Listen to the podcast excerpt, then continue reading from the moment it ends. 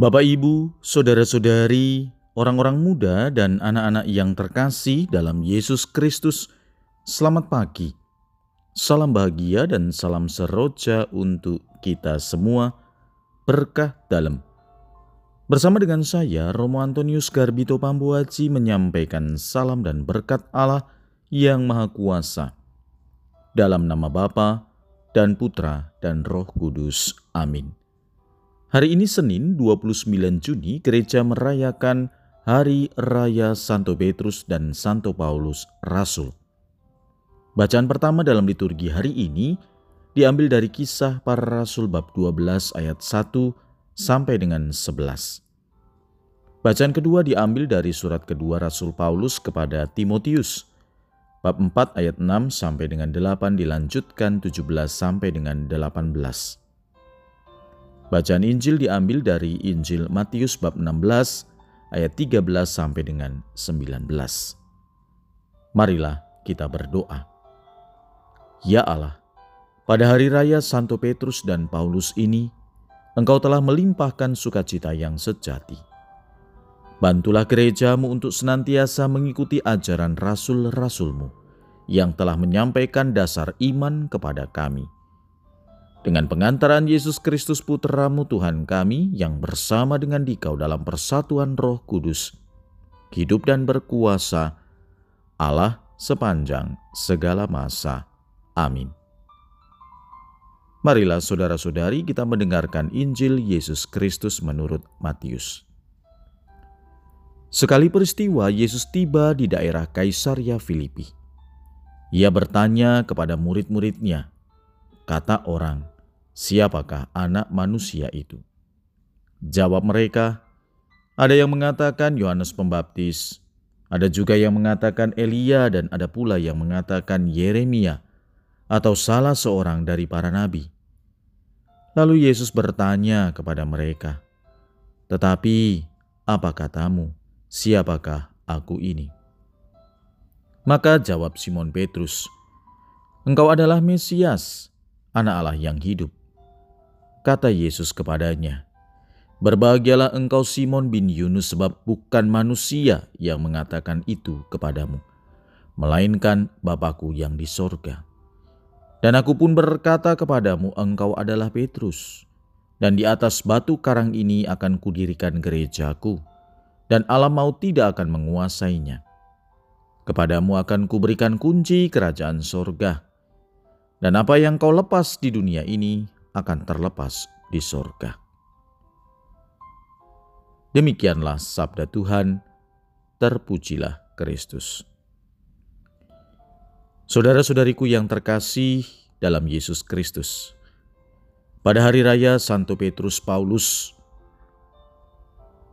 izinkan saya mengucapkan selamat ulang tahun Seminari Tinggi Santo Petrus Paulus, Keuskupan Bogor. Yang kedua, mari kita bersama-sama mengenal siapa Santo Petrus dan Santo Paulus. Meskipun saya yakin bahwa Anda sudah tahu siapa mereka. Dilihat dari latar belakang mereka sebelum mereka diutus oleh Yesus. Karakter masing-masing, tugas perutusan yang mereka jalankan. Santo Petrus seorang nelayan sederhana yang memiliki karakter dan kepribadian keras bagai batu karang. Spontanitasnya tinggi. Ia dipercaya sebagai pemimpin para rasul. Meski ia pernah menyangkal Yesus, namun Tuhan Allah tetap mengutus dia menjadi pewarta kabar baik Kristus yang telah bangkit. Berbeda dengan Paulus, ia adalah seorang tentara Roma, kelahiran Tarsus, didikan Gamaliel, yang telah memberikan ajaran mendalam tentang agama Yahudi sesuai dengan zaman Farisi. Paulus mengejar dan membunuh mereka yang mengaku sebagai pengikut Kristus.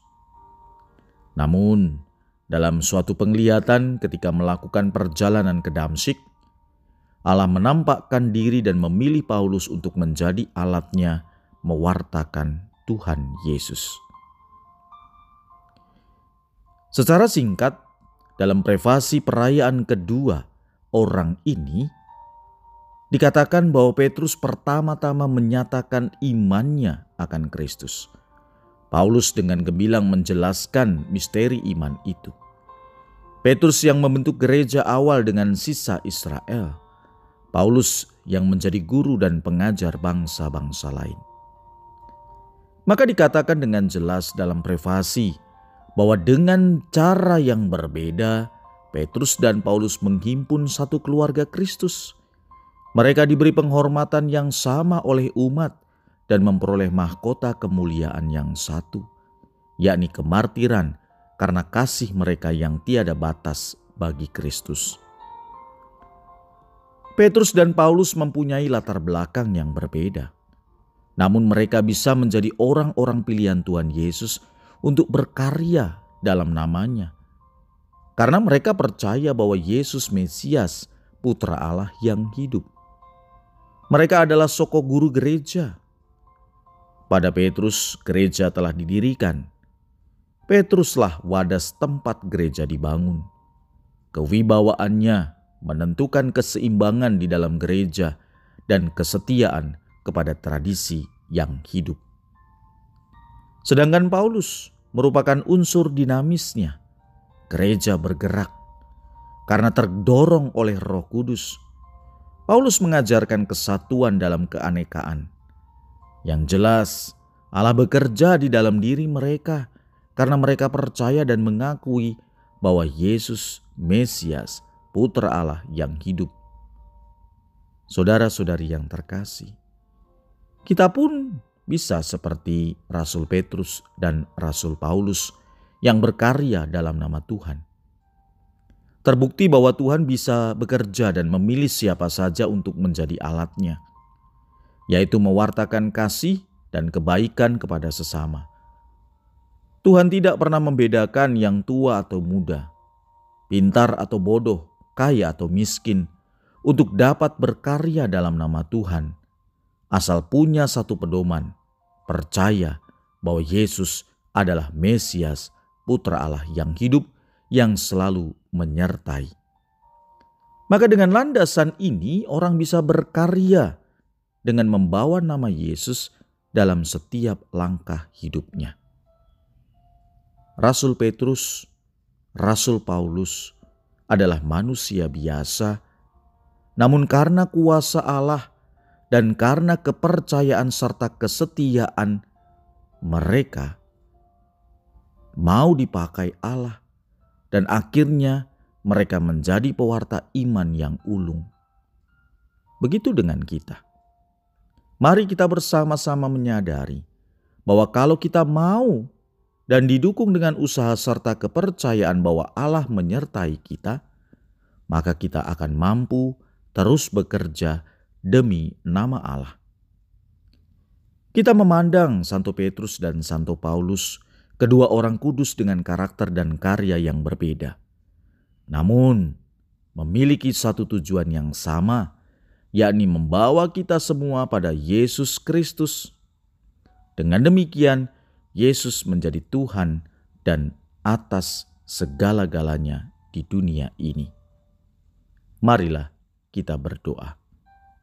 Ya Tuhan, dengan iman yang kami miliki, semoga kami kau mampukan melanjutkan karya Yesus Putramu yang pernah dirintis oleh Rasul Petrus dan Rasul Paulus dalam mengembangkan gerejamu. Berkat Allah yang Maha Kuasa, dalam nama Bapa dan Putra dan Roh Kudus. Amin.